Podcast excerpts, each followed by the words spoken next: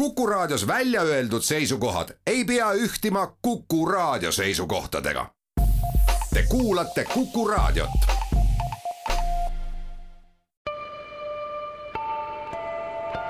ilmaparandaja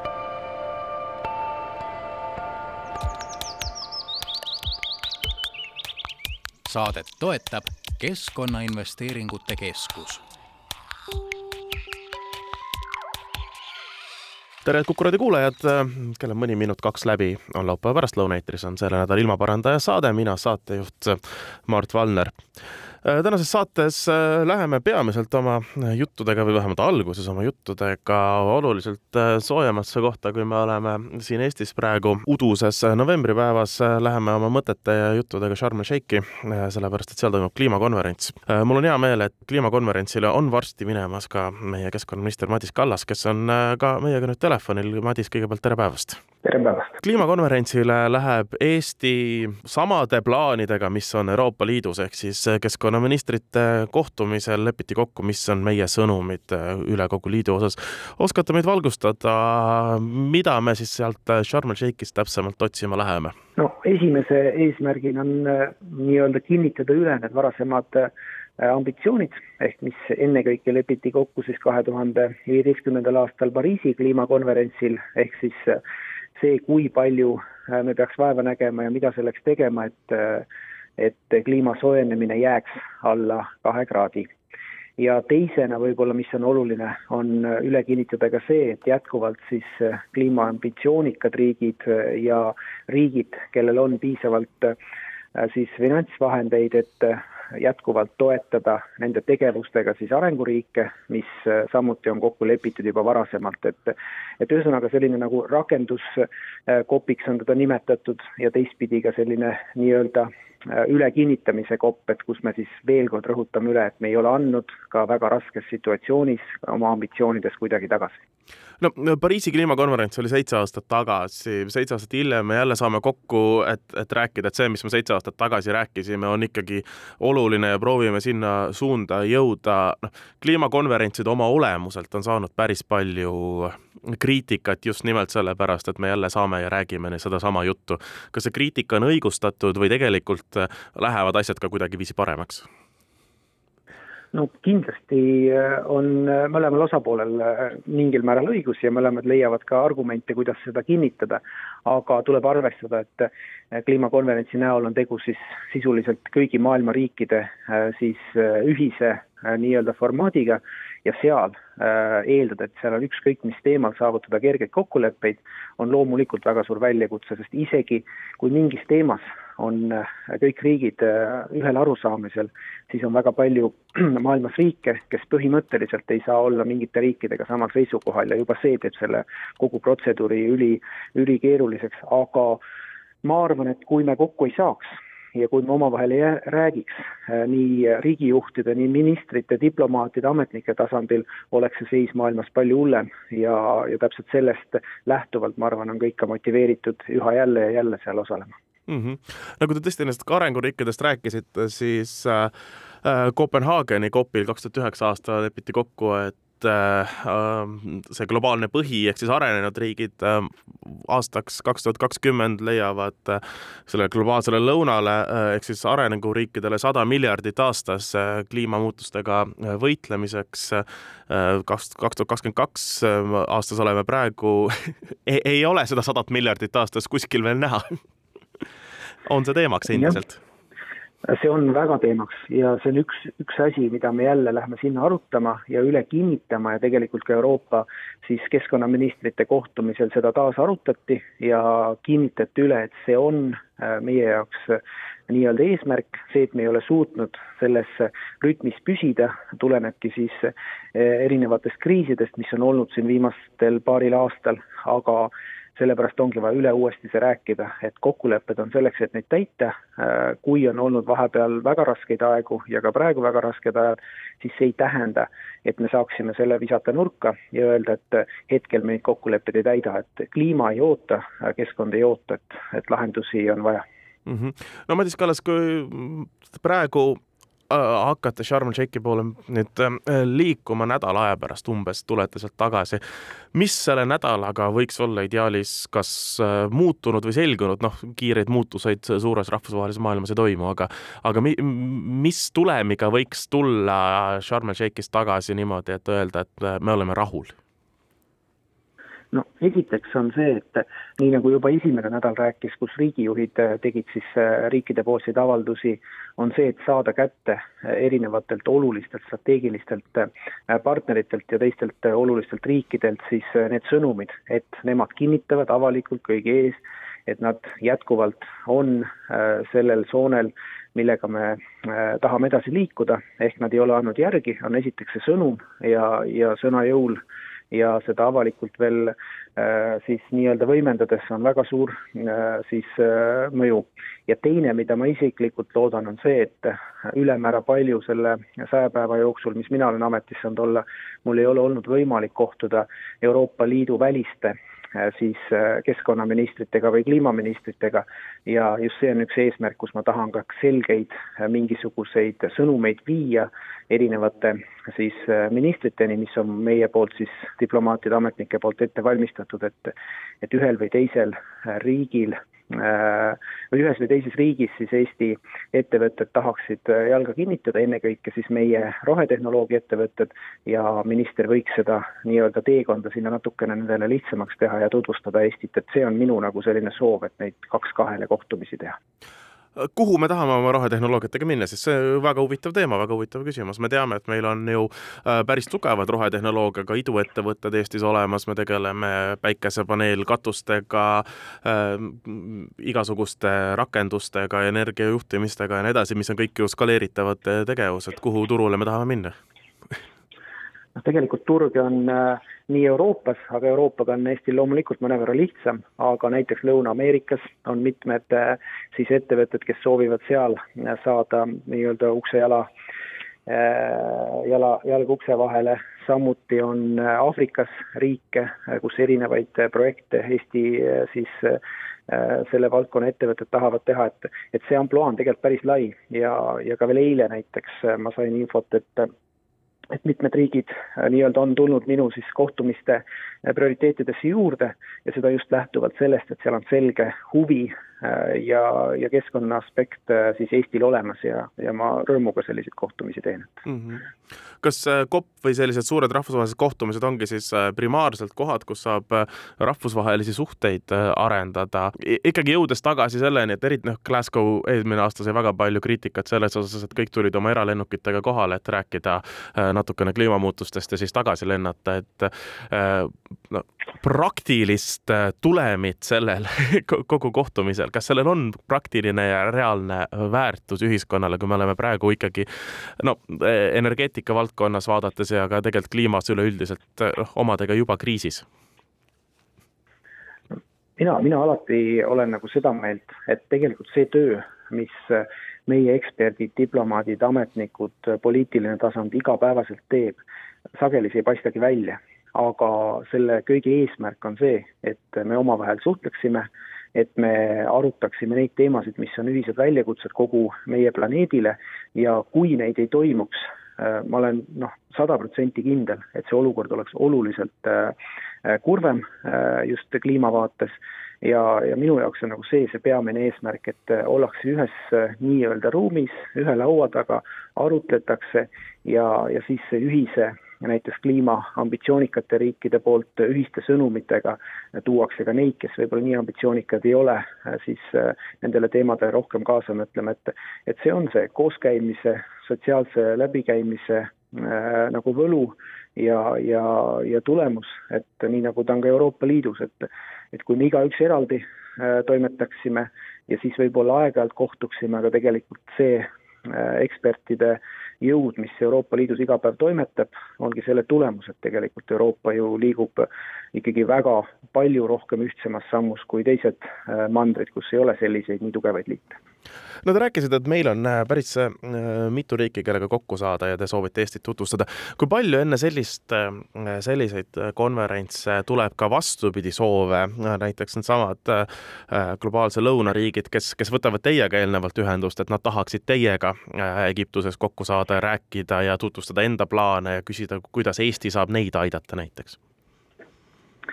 see on täpselt nii, nagu te ütlesitegi, et see on kahepoolne nii nagu meie otsime neid riike, kellega meil võiks olla suurem äh, mingisugune mm, keskkonnaalane, ettevõtlusalane infovahetuse soov, nii on ka vastupidi, et Eesti on ju teada-tuntud äh, IT, infotehnoloogia poolest ja, ja on riike, kes on juba soovinud sellel teemal ja on ka riike, kes on soovinud Eestisse võib-olla ka oma ettevõtetega tulla või siia investeeringuid vaadata et, et ka need on juba meiega ühendust võtnud ja saab näha, et kui palju nendest kohtumistest õnnestub siis seal kavadesse äh, sisse panna, aga ta on kahepoolne, absoluutselt. ilmaparandaja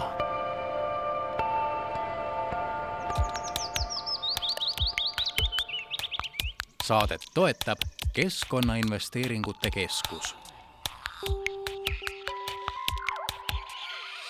jätkame ilmaparandaja saadet.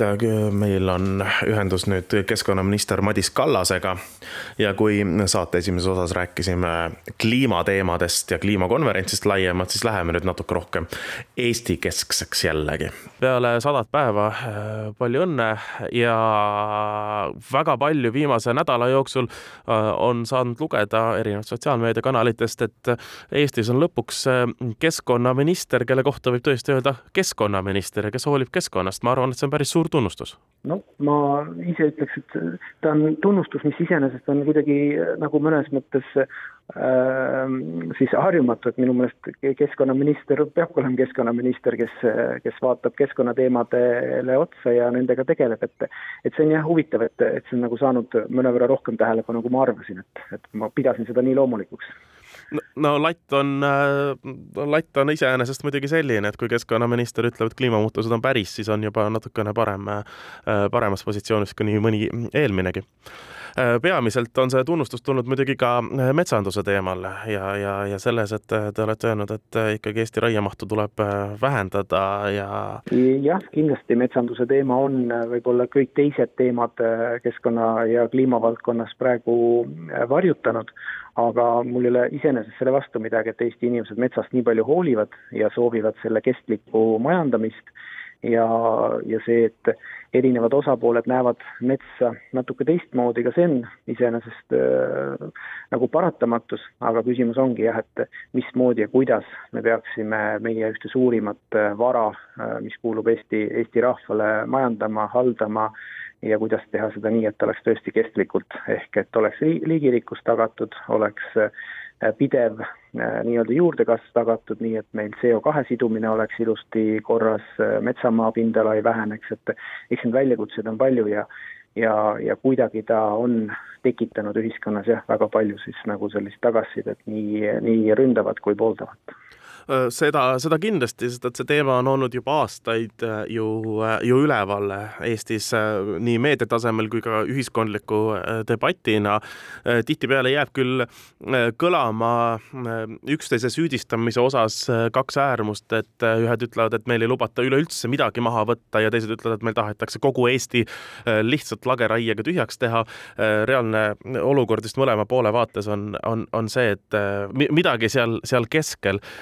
kui raske on olnud äh, neid äh, kahte osapoolt äh, kuidagi, neid osapooli on küll rohkem, aga neid kahte äärmust kuidagi keskteel kokku viia või, või üritada mõlemat ära kuulata ja aru saada, mis seis meil tegelikult Eesti metsanduses on? no keeruline, ei ole mõtet siin seda, seda nagu varjata, et loomulikult on, on seda teha olnud keeruline ja, ja sõltumata sellest, mis otsuse või mis missuguse sõnumiga sa välja tuled äh, väga suurele osale, vähemalt need, kes äh, siis kommunikatsiooni ja oma kõla poolest on väga tugevad, äh, see ei meeldi. Ja, ja seetõttu mina olen valinudki pigem selle taktika või selle nii-öelda tee, et ma suhtlen kõigi osapooltega, aga selliseid ühiseid suuri arutelusid, kus on erinevad osapooled koos, et, et ma ei ole pidanud seda praegu sellisel kujul otstarbekaks, mis ei tähenda, et ma ühte või teist osapoolt sooviks kuidagi äh, vältida, et, et siin ka iga nädal sisuliselt tuleb äh, teatud sooviavaldusi, et aga meiega ei ole keskkonnaminister ikkagi veel kohtunud, siis nii ruttu, kui mina või mu nõunikud suudavad selle kohtumise kokku kutsuda, me kohe selle teeme, et ma tõesti tahan kõik osapooled ära kuulata, sest mida rohkem ma kuulan, seda rohkem, ähm, saan küll erinevat infot, äh, aga ikkagi seda selgust ka, et äh, kuhu ja kuidas me võiksime liikuda just Keskkonnaministeeriumi ja keskkonnaministri portfelli nagu äh, väärtustest lähtuvalt mm. -hmm. ja ma saan aru, et siin jõuame sinnasamma osasse, mida te olete ka korduvalt öelnud, et küsimusele, mille pärast keskkonnaminister kuulab rohkem teadlasi, kes ütlevad, et Eesti mets vajab abi, on see, et keskkonnaminister peakski kuul-, hoolitsema keskkonna ja eest rohkem ja majanduse eest vähem, kas ma olen õigesti aru saanud? jah, et, et igal, igal ministeeriumil on omad äh, selged ülesanded, millega ta peab tegelema ja Keskkonnaministeeriumi ülesanne on tegeleda keskkonnaküsimustega, kliimaküsimustega ja, ja kestliku nii-öelda loodus, loodushoiuga ja, ja loomulikult koostöös teiste ministeeriumitega, vaadates ka kõiki neid sotsiaalmajanduslikke mõjusid, kultuuri, pärandkultuuri mõjusid, et, et seda nii palju kui minu võimuses ja, ja nii palju, kui seda erinevate osapooltega on võimalik teha, me oleme ka teinud, aga jah, keskkonnaministeerium ja keskkonnaminister on ennekõike keskkonna hüvanguks ellu kutsutud ja ma arvan, et seda rolli peab iga järgnev minister täitma ja see on minu, minu kohustus mm. -hmm. no värskes Maalehe artiklis, mis oli väga intrigeeriva pea, pealkirjaga loomulikult, kuidas Eesti on kakskümmend viis aastat täiesti vales suunas liikunud, ütlesite ka sellise huvitava asja, et äh, te kogu aeg peate rääkima metsast ja metsast, aga te tahaksite rääkida hoopis äh, sinimajandusest ja kõigest sellest, mis on seotud äh, merenduse, kalanduse ja sadamatega. Eesti on Läänemere ääres, mis on teadupoolest üks maailma reostatumaid veekogusid kas see on Keskkonnaministeeriumi tulevikuga vaadates ka prioriteet, et tegeleda kuidagiviisi Läänemere puhastusega ja meie kalapopulatsiooni taastamise ja kõige muuga, mis sinna puudutab? täpselt nii, et, et väga hea, et ka tänases saates küsitakse selle kohta just, sest tegelikult kõik see, mis puudutab meie meresid, meie järvi, jõgesid, meie kalade populatsiooni, nende Äh, siis äh, järvede, jõgede, teiste veekogude puhtust, et see on nagu ülimalt oluline, arvestades, et me oleme mereriik, arvestades, et ma ise äh, olen Saaremaalt pärit, kus on igale poole vaadates sisuliselt meri, et, et see teema on oluline ja ja nii, nii nagu on oluline tegelikult ka kogu meie mullastik, meie õhuteemad, et tegelikult samamoodi peame ka nendest rääkima, aga nad võib-olla jah, ei seostu või inimesed ei oska seda otseselt siduda, et, et see, et meil on meeletus koguses näiteks plastikut äh, Läänemeres või meil on mingites kohtades äh, õhuolukord äh, mitte nii hea, kui peaks, et see lihtsalt ei hakka silma, seda inimese nii-öelda silm igapäevaselt ei näe. äh,, erinevalt siis näiteks äh, lageraiealadest või suurtest äh, rööbastest erinevates Äh, siis äh, marjametsades või seenemetsades, kus inimesed ikka satuvad, et et kui oleks see kuidagi piltlikult võimalik inimestele näidata, et missuguses seisus on näiteks Läänemeri, missugused äh, reostushulgad seal sees on, et siis ma arvan, me räägiks sama palju ka meie merest no selle jutu järgi kõlab nagu Eesti rannikul ei tasukski üldse ujuma minna, nii hull vist seis veel päris ei ole? ei, kindlasti mitte, et, et see, et me oleme jah, päris intensiivse, intensiivse majandamisega ja, ja võib-olla veel mingite otsustega selle merevee teinud võib-olla mitte nii heaks, kui me tahaksime, on siiski viimased kümnendid tehtud ka väga-väga palju häid otsuseid, õigeid arengusuuni, suundi, mis on selle olukorra teinud ikkagi nii heaks, et, et ujumas äh, saab sisuliselt igal pool Eestis käia ilma igasuguse ohuta ja, ja kalavarude nii-öelda järsk langus on ka tegelikult pidurdunud siin viimastel aegadel ja, ja seda seiret iga-aastaselt tehakse ja, ja et need püügikvoodid oleksid ka kogu aeg meie looduse kestlikkusega tasakaalus, et et see, et me räägime võib-olla mingist valdkonnast väga palju, äh, siis ta ühtepidi jah, on lihtsalt meile nagu rohkem silma all, aga tegelikult me oleme liikunud väga jõuliselt mitmetes asjades õiges suunas, võtame kas või jäätmemajandus, kui me vaatame, mis oli aastal kaks tuhat ja mis on aastal kaks tuhat kakskümmend kaks. Mhm. no jäätmemajanduses varsti peavad hakkama Eesti kohalikud omavalitsused tekstiilijäätmeid liigiti koguma ma ei ole kindel, et me oleme selleks üleriigiliselt eh, valmis, kui ei ole, siis eh, kui ma ei eksi, hakkame Euroopa Liidule jälle trahve maksma. Pigem siin võiks nõnda sõnastada selle, et, et äh, mulle tundub ükskõik missuguste äh, nii-öelda reformide või direktiivide ülevõtmisega äh, me alati äh, oleme nagu üks või kaks päeva piltlikult äh, sellest maas aga ühel hetkel see otsus tuleb ära teha ja panna see termin ette, et nüüd on see aeg käes, sest kogu aeg soovitakse täiendavat aega, kogu aeg lükkub nagu edasi, et üks päev oleks nagu kogu aeg puudu. et ma arvan, et need otsused lihtsalt tuleb ära teha ja seni on Eesti sisuliselt kõigist trahvidest pääsenud, me oleme suutnud ära põhjendada, miks üks või teine asi on meil viibinud või miks üks või teine asi ei ole nii kiiresti rakendunud, kui me oleme, oleme soovinud, et et ma arvan, et Eesti äh, nii oma äh, väiksuse poolest kui ka Eesti inimeste siis nagu tubliduse poolest me oleme ikkagi suutnud seni need kõik asjad ära teha ja ma arvan, et ka tekstiilijäätmete taha meil Eestis midagi ei jää, et saame ilusti kõik tehtud mm. -hmm. kogu, kogutud saame, aga ega meil ei ole vist nendega midagi peale hakata. Eestis ei ole äh, ju peale Auvere põletamisse viimise midagi nendega otseselt peale hakata sellises koguses ja ulatuses.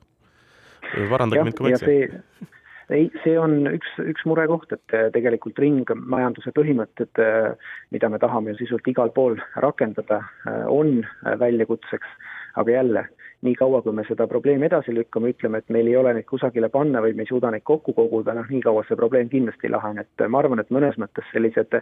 konkreetsed äh, ajalised tärminid, nüüd on see aeg, kus me peame selle ära tegema, siis äh, ei ole me maailmas esimesed, kes peavad seda tegema ja ma arvan, et me saame edukalt hakkama, aga need on väljakutsed, kindlasti need nõuavad täiendavaid investeeringuid erinevatelt osapooltelt, äh, ka ka kohalikelt omavalitsustelt, aga see on kõik ju ühe asja nimel, et äh, Eestimaa oleks äh, puhtam äh, ja meie kliima oleks järeltulevatele põlvedele veel paremini hoitud, et selles mõttes ma arvan, et siin ei tohiks tekkida ei kellegi pahameelt ega ka mingisuguseid suuri ületamatuid raskusi. no kliimast rääkides siis äh,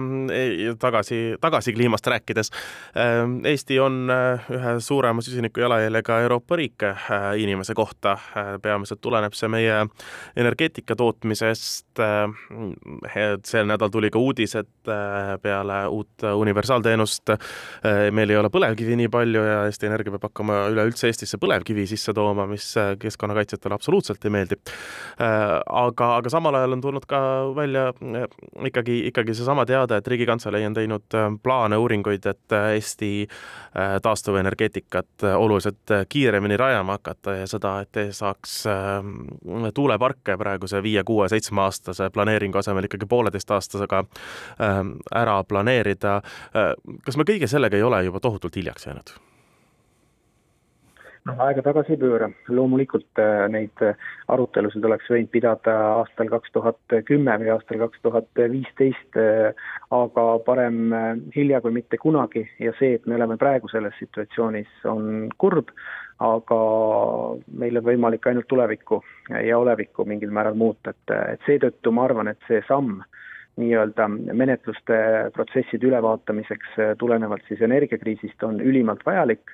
aga siinkohal ma olen alati ka valitsuse istungitel rõhutanud üle, et see ei tohi kindlasti tulla äh, keskkonna äh, arvelt äh, ega ka inimeste kaasamise protsessi ebaloomulikult lühendamise arvelt, aga ma olen nõus, et kõiki neid protsesse saab teha oluliselt kiiremini, kui seda on tehtud praegu. lihtsalt küsimus ongi see, et et kus kohas on see piir, et me ühel hetkel ei ütlegi, et, et me oleme toonud ohvriks äh, siis äh, keskkonna, me oleme toonud ohvriks äh, kaasamise, et seda tasakaalupunkti on äärmiselt oluline kogu aeg jälgida ja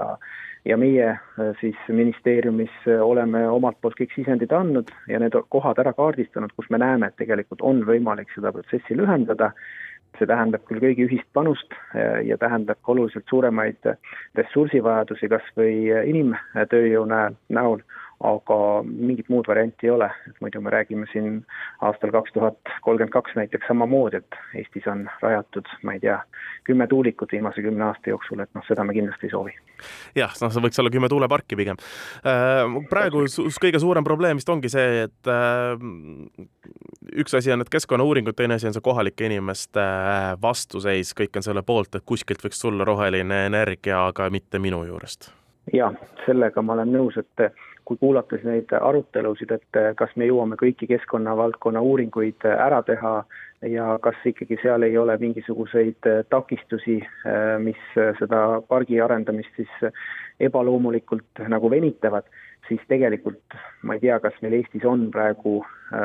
näiteid, kus oleks mingid suured arendused oleks jäänud selle taha, et et keskkonnaloa menetlused või mingid muud menetlused oleks võtnud liiga kaua aega pigem kõik arendused on jäänud ikkagi selle taha, et, et kohalike kogukondadega, kohalike inimestega ei ole saavutatud kokkuleppeid ja seetõttu on erinevad arendused jäänud seis, et, et see on ülioluline, et kuidas ja mismoodi me saame kogukondadega kokkulepped, mismoodi nemad saaksid aru, et, et seda äh, on vaja ja mismoodi riik ja arendajad mõistaksid, et ka kohalikud elanikud, kes on seal võib-olla aastakümneid äh, elanud, et, et see on nende äh, tervikökosüsteem, kuhu meie läheme rajama siis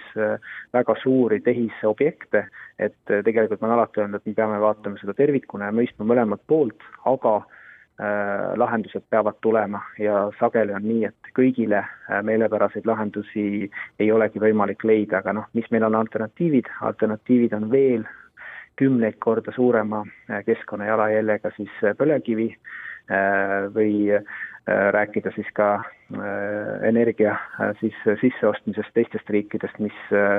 tundub, et ei ole tulevikus Eesti jaoks lahendus, sest kui on kriisid, siis ikkagi iga riik ennekõike vaatab, kuidas tema inimeste äh, elekter oleks tagatud, et seetõttu tuleb leida need äh, võimalikud hoovad, kuidas neid protsesse kiirendada, aga ma alati olen öelnud, et, et see ei tohi toimuda äh, inimeste kaasamise ega keskkonna siis selliste suurte, suurte ohverduste osas no kaks äh, suurt ähm, energeetika küsimust või siis ütleme, jaama on veel ju äh, olnud äh, avalikkuse tähelepanu all, üks nendest on põlevkiviõlitehas, mis nüüd jõudis Riigikohtusse, mis võttis selle keskkonnaloa uuesti menetlusse. ja teine on küsimus, kas Eestisse tuleb tuumajaam. esiteks, Madis Kallas, kas Eestisse tuleb tuumajaam? raske öelda tänase seisuga mina ütlen, et äh, niikaua, kui seda maailmas kusagile tehtud ei ole, ma olen küll väga hästi nagu kursis juba nende arengutega ja, ja mismoodi need võiks olla, aga need tuumajaamad, millest Eesti puhul räägitakse, äh, neid jah, kusagil veel maailmas ei ole, esimesed peaks valmima äh, minu mäletamist mööda Kanadas siis kaheksa aasta pärast. Et liiga vähe on infot, et öelda. Ja kui me täna oma silme ette maname siis tuumajaama, siis kindlasti selliseid tuumajaama mina isiklikult Eestisse ei poolda ja ma arvan, et keegi eriti ei poolda, et et need on need, mis on telekates, kus on probleemid, kus on erinevad äh, muud äh, siis äh, negatiivsed väljakutsed, et et liiga vähe on infot ja seetõttu ma arvan, et see äh, tuumaenergia äh, töörühm, mis Keskkonnaministeeriumi juures seda tööd teeb, kui nad järgmise aasta oktoobriks saavad selle lõppraporti valmis, siis on oluliselt äh, nagu rohkem meil infot äh, vastamaks sellele küsimusele, aga praegu äh, selle info pealt ja, ja nende kuvandite pealt, mis on tuumajaamadel, on, on väga keeruline öelda, et jah, Eestisse tuleb tuumajaam, et, et seda tuumajaama, mis praegu maailmas kasutatakse kõige rohkem, et seda kindlasti ma arvan, väga-väga suur eestlaste hulk ei poolda mm. -hmm. aga põlevkiviõlitehas, mille pärast, kui me ostame juba põlevkivi sisse, miks me seda tehast veel endiselt ehitame? Noh, see on võib-olla jah, natuke nagu tänapäevasem mure, kuna ta on nüüd ja praegu siin kohe, aga jah, siin on, ma, ma tunnistan, et isegi ma olen tuumajaama teemaga rohkem süvitsi läinud ja seda on mulle rohkem tutvustatud kui põlevkiviõlitehasega, aga jälle, peab vaatama ära, millised on need võimalikud kasud, millised kahjud ja, ja siin ma arvan, ühte selget vastust ei ole, et et, äh, et kuidas ja mismoodi peaksime seda tegema, et loomulikult põlevkivi kaevandamine, põlevkivi kasutamine ei ole meie keskkonnale ülemäära kasulik ja, ja seda suures määras tehes on ta väga kahjulik, et et seetõttu põlevkivi osas samamoodi on nagu keeruline ühtset ja selget seisukohta öelda, et, et ka praegu näiteks meie siis põlevkivi kasutamine on läinud üles, aga siin ma olen alati öelnud, et see saab olla ajutine, põlevkivi peale. Me ei saa rajada Eesti tuleviku energeetikat ja nii lihtsalt on, et muidu sellest ilusast Eestimaast ja ennekõike siis ilusast Ida-Virumaast on väga raske tulevikus rääkida kui puhtast ja, ja keskkonnasõbralikust piirkonnast, aga me kõik tahame, et iga Eesti piirkond seda oleks absoluutselt, me tahame, et oleks iga Eesti piirkond ilus ja kindlasti me tahame, et äh, ka äh, kogu maailm säiliks äh, suhteliselt elamisväärsena ikkagi, ehk siis kliimamuutustega ka laiemas plaanis tuleb tegeleda. ma lasengi teid nüüd nende kliimamuutustega laiemas plaanis tegelema. edu järgmisel nädalal kliimakonverentsil Sharm el Sheikhis ja ähm, loodetavasti saab sealt tagasi tulla juba uudistega, mis ma, ma ei oska öelda, kas rõõmustavad või vähemalt annavad julgust, et see teema ei ole kuhugi ära kadunud. keskkonnaminister Madis Kallas, aitäh teile! aitäh! ilmaparandaja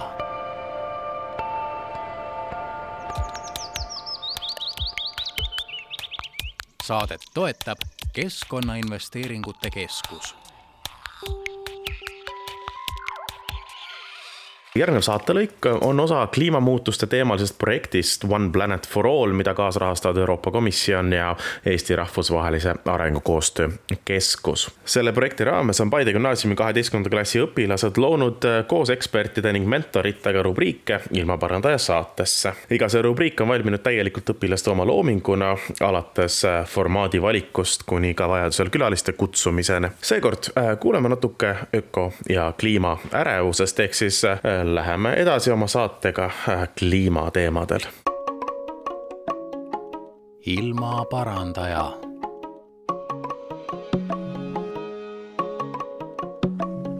tere, meie oleme Paide gümnaasiumi õpilased, mina olen Keiti, õpin kaheteistkümnendas klassis, minuga on siin äh, kolm sõpra ja üks spetsialist, kellest kohe järgnevalt. Äh, mina olen Mikko Saukonen ja õpin ka kaheteistkümnendas klassis mina olen siis äh, Germo Arusoo ja olen samuti nende kahe toreda inimese klassikaaslane. ja mina olen Romel Vahtra samuti õpin Paide gümnaasiumis kaheteistkümnendas klassis. ja me oleme siis endaga siia kutsunud ka ühe spetsialisti, meie enda kooli Heidi, kes on siis õppenõustaja, on siin meiega täna. ja äh, Heidi, tutvusta ennast, millega sa tegeled siis? Mina olen Heidi tõesti äh, ja, ja kuna me räägime täna ökoärevuse teemal, et siis äh, võib-olla see sõna äh, ärevus on natukene minu tööga seotud ja kindlasti võib ka öelda, et ma olen pisut metsa poole, et ja, ja hoolin keskkonnast ja, ja kogu meie loodusest ja püüan sinna igal võimalikul juhul ka minna. Olen läbinud programmi Mine metsa Eesti Loodus- ja Loomateraapia Keskuses ja püüan enda töösse siis alati kuidagi tuua sisse ka looduse teema jah, et nagu Heidi juba mainis, siis meie Äh, väike raadiosaade, räägib siis ökoärevusest, kliimaärevusest. ökoärevus on siis selline krooniline hirm keskkonna hävimise ees ja ta on siis selline ebameeldiv äh, tunne ja emotsioon mm. -hmm. ja sama aeg, kui ma siis tänase raadiosaate jaoks õppisin, avastasin ma ka Youtube'ist ühe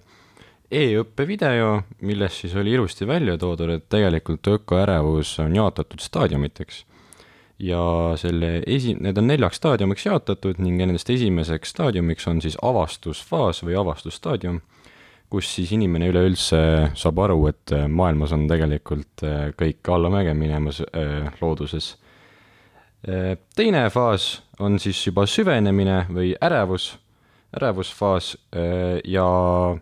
sellele järgneb tegutsemise faas ja omakorda sellega kaasneb ka, võib kaasneda ka läbipõlemise faas. ning äh, kui nendest edasi on saadud, siis tuleb neljas faas ja see on siis missiooni leidmise faas, kus inimene teab kindlalt, mille järgi, mille järgi, millele ta peaks liikuma, mille järgi liikuma ja mida tegema aitäh sulle, Romal. aga liigume siis vaikselt äh, meie põhiliste siis äh, teemapunktide juurde ja ma kõigepealt siis uuriksin meil kõigilt, et äh, kui lähedased me üldse oleme sellega, kas me oleme tuttavad üldse kliimaärevusega ja mõjuga ja et kuidas te tunnete ennast seal kohas? enne informatsiooni otsimist selle kohta ausalt pean ütlema, et ei olnudki ma sellest nii väga kuulnud, küll aga ma teadsin, et selline asi on üldsegi olemas. aga väga-väga, väga vähesed teadmised olid selle kohta samuti nagu ka Romel mainis, siis äh, ma olin sellest varem kuulnud, kuid äh, kuna sellest räägitakse äh, nagu väga vähe,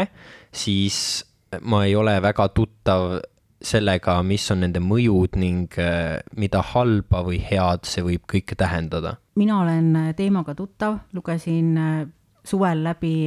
võib-olla Eesti esimeseks selliseks ökopsühholoogia käsiraamatuks nimetatud Lucy Jonesi raamatu Paradiisi kaotades ja, ja olen natukene noh, varem ka neid teemasid uurinud ja siinkohal äh, ma siis küsiksingi sinult, Heidi, et äh, kuidas äh, kliimaärevus siis nagu mentaalset tervist üldsegi mõjutab et sina kui tuttav siis mentaalsete terviste probleemide ja asjadega, et kas sa oled puutunud sellega kokku ja kuidas see siis tegelikkuses mõjutab seda? kuna ökoärevus on tegelikult ju üks äh, ärevuse liik, et on ju tõesti sooritusärevus, äh, on sotsiaalne ärevus ja, ja neid ärevuse liike on erinevaid, et siis äh, ta on seotud tõesti sellise sotsiaalse väljakutsega et, äh, et seda lihtne vähendada ei ole, et tõesti inimest valdavad erinevad emotsioonid, nagu siin oligi juttu, et see võib olla viha, äh, jõuetus, lootusetus, äh, abitus, hirm, et, et neid emotsioone on, on palju ja, ja võib-olla läbi selle, et tegelikult me vajame, eks ju, loodusega suhet ja, ja ühendust ja, ja kui see hakkab ära kaduma või, või inimene saabki aru, et tegelikult meie keskkond on, on nii suures ohus et siis äh, tuntakse tugevaid e-, emotsioone ja, ja ärevust. ja mis meie võib-olla sellises äh, keskkonnas on keeruline, on see, et äh, meil väga neid emotsioone tihti nagu tõsiselt ei võeta, et, et pigem öeldakse, et mõnikord, et saa üle või, või, või ära siis tunne ärevust või, või, või küll kõik saab korda ja lausa eitatakse seda probleemi, eks, et, et kuigi, kuigi on noh ökopsühholooge tänapäeval ja ökolooge tegelikult tuleks, tuleks kuulata. aga tõesti, maailmas ökopsühholoogid tegelevad selle teemaga ja püüavad siis ka ütleme, inimesi kas või teraapiates ravida, on äh, erinevates riikides on tugigrupid nendele inimestele, kes ökoärevust tunnevad. praegu ma pean ütlema meie koolis, äh, et ma ei ole veel kuulnud, et keegi oleks või et, või et keegi üldse tuleks minu juurde selle murega, et, et pigem on, on need natuke teistsugused mured, võib-olla isiklikumad, millega tullakse, et selliseid suuri maailmamuresid või maailma pärast muretsemist äh, praegu ei, äh, ei ole kohanud. aga kas väljaspool kooli oled nagu, kas keegi ongi nagu tulnud ja öelnudki, et kuule, mul on nüüd see mure, et äh, ma arvan, et maailm saab otsa või nagu kas selliseid asju on muidu väljaspool koolimaja ette tulnud? jaa, et seda ma olen küll kuulnud, et, et on ja seesama äh, Karola Kiviloo läbi viidud e-külalistund, millele Romel viitas, et ka seal on juttu sellest, et äh, eelmisel aastal tehti kümne tuhande noorega kümnest riigist äh, küsimus äh, või uuring, kus siis tuligi välja, et tegelikult peaaegu et pooled noored on, on, on sellest mõjutatud negatiivselt ka igapäevaselt, et neil on see mure aga üldiselt siis äh, see kliimaärevus puudutab väga palju siis noori inimesi ja teismelisi inimesi. et meie suurimaks siis mureks siin äh, raadiosaates praegu ongi see, et kuidas me saaksime neid siis aidata ja toetada. no ma lugesin Sirbist, et kõige lihtsam viis on lihtsalt jagada oma muret sõbraga jaa, aga tegelikult ma natuke täiendaksin sind selles osas, sest et äh, kuna ma kuulasin seda e-tundi Youtube'ist, siis ma sain natuke mõndagi juurde veel teada no kõigepealt võiks inimene endale teadvustada oma tundeid ning nendega õppida üldse olema. ja nagu näiteks siis jooksma või mediteerima või matkama, et mida iganes. kindlasti, nagu sa juba mainisid, võiks leida tuge inimestelt või gruppidelt, kes siis selle teemaga natuke rohkem lähedasemad on ning nendele, nendega koos seda arutada. alati saab võtta ka pausi, see tuleb alati kasuks ja näiteks siis äh, hoiduda natuke eemale uudistest või infovoost. ja kindlasti aitab ka mingi tegevus, mis äh, jõustab või on siis tähenduslik, ehk siis mis paneb sind tundma, nagu sa teeksid midagi maailma hea, maailma heaks. näiteks vabatahtlik tööorganisatsioonidega või, või rahalised toetused ning kui, kui ka nendest abi ei ole, siis kindlasti vajadusel võid otsida abi teraapiast ja lehelt peaasi.ee saad selle kohta natuke lisainformatsiooni. Aga ma võib-olla kommenteeriksin siis seda, mis Romel ütles, et seda pausi võtmist, et äh, ma mäletan, meil oli äh, Heidiga üks tund, noh, niisuguse aasta alguses, et kuidas nagu suvel nii õnnelik olla. ja ma mäletan, Heidi rõhutas hästi palju seal seda, et tuleb minna loodusesse ja et äh, loodus nagu parandab palju haavu, et äh, kas see loodusesse minek nagu siis aitaks äh, meil ökoärevusega ka tulla toime, Heidi? Absoluutselt aitaks. et, et üks asi on jah, tõesti, et loodusel on selline terapeutiline mõju, kasutatakse päris kohe metsateraapia või loodusteraapia väljendeid ja, ja kuidas ta meile mõjub, on tõesti, et meie heaolu paraneb, me tunneme ennast paremini, me tunneme, et me oleme nagu õiges kohas, me oleme, meie vana aju mäletab seda kõike, et et mis, mis tunne on olla looduses, et see on nagu õige koht olemiseks, vererõhk alaneb, mõju on seitse päeva öeldakse isegi, et kui sa oled looduses ja et miinimum, et mis võiks äh, nädala jooksul äh, looduses olla, on kaks tundi. Et, äh, et siis see mõju kindlasti juba, juba inimene tunneb, et, et päris kindlasti. Ja, ja kui me üldse räägime sellest, et mida suuremalt saab teha, on see, et õpetadagi lastele, noortele ka seda, et tõesti, et loodus ei ole teisejärguline asi, see on, see on väga tähtis, me peame võtma hoopis selle hoiaku, et meie ei ole mitte mingid ülemad ja, ja loodus on või, või putukad või loomad on midagi tähtsusetut, vaid et kõik, mis on looduses, on meie eluks olulised ja me peame õppima koos elama, nii et me ei võta loodusest liiga palju, et me ei, et me ei ole kuidagi noh, liig-, noh, me ei tee liiga loodusele, et see, see on küll väga tähtis. et mina ise täi-, enda äh, võib-olla püüan tõesti, nagu ma ütlesin, eks ju, enda ellu seda loodust tuua, et pühapäeval ma olin kolm tundi metsas äh, ja ma tõesti tunnen ennast nagu pärast seda, et ma nagu jaksan see nädal aega vastu pidada. et see kõlab nagu plaan, poisid, lähme metsa või? Loomulikult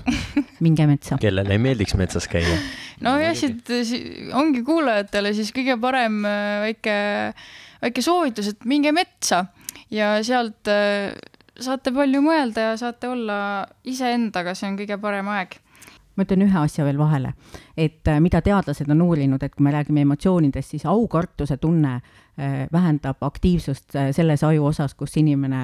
on nagu iseendaga seotud ja teeb meist nagu paremad inimesed, et me pigem hoolime teistest ja, ja me oleme vähem isekad, et kui te näete looduses väga ilusat päikseloojangut või, või mingit võimast puud või midagi, et siis see aukartuse tunne on tegelikult noh, teebki meile head, et ma loodan, et kõik tunnevad seda tunnet. Aga siinkohal siis äh, peamegi kahjuks lõpetama, meil hakkab eetriaeg otsa saama, aga kellel siis huvi tekkis, siis äh, lugege raamatut, näiteks Paradiisi kaotades, miks meie meeled vajavad loodust, Lucy Jonesi oma väga hea, mida Heidi juba siin mainis, ja vaadake E-tundi, palju on informatsiooni internetis. Ja aitäh sulle, Heidi, et sa tulid meie saatesse, armastame sind, Heidi, ja ilusat päeva teile ja nautige ja minge metsa ilmaparandaja. selline oligi selle nädala ilmaparandaja saade. loodan, et teil oli sedasama põnev kuulata, kui minul seda teha ja kokku panna. ilmaparandaja ise on eetris jälle natuke vähem kui nädala aja pärast, aga ärge selle nädala jooksul ka unustage enda ümber ringi vaadata, et leida viise, kuidas ilma parandada. saatejuht oli täna Mart Valner. ilmaparandaja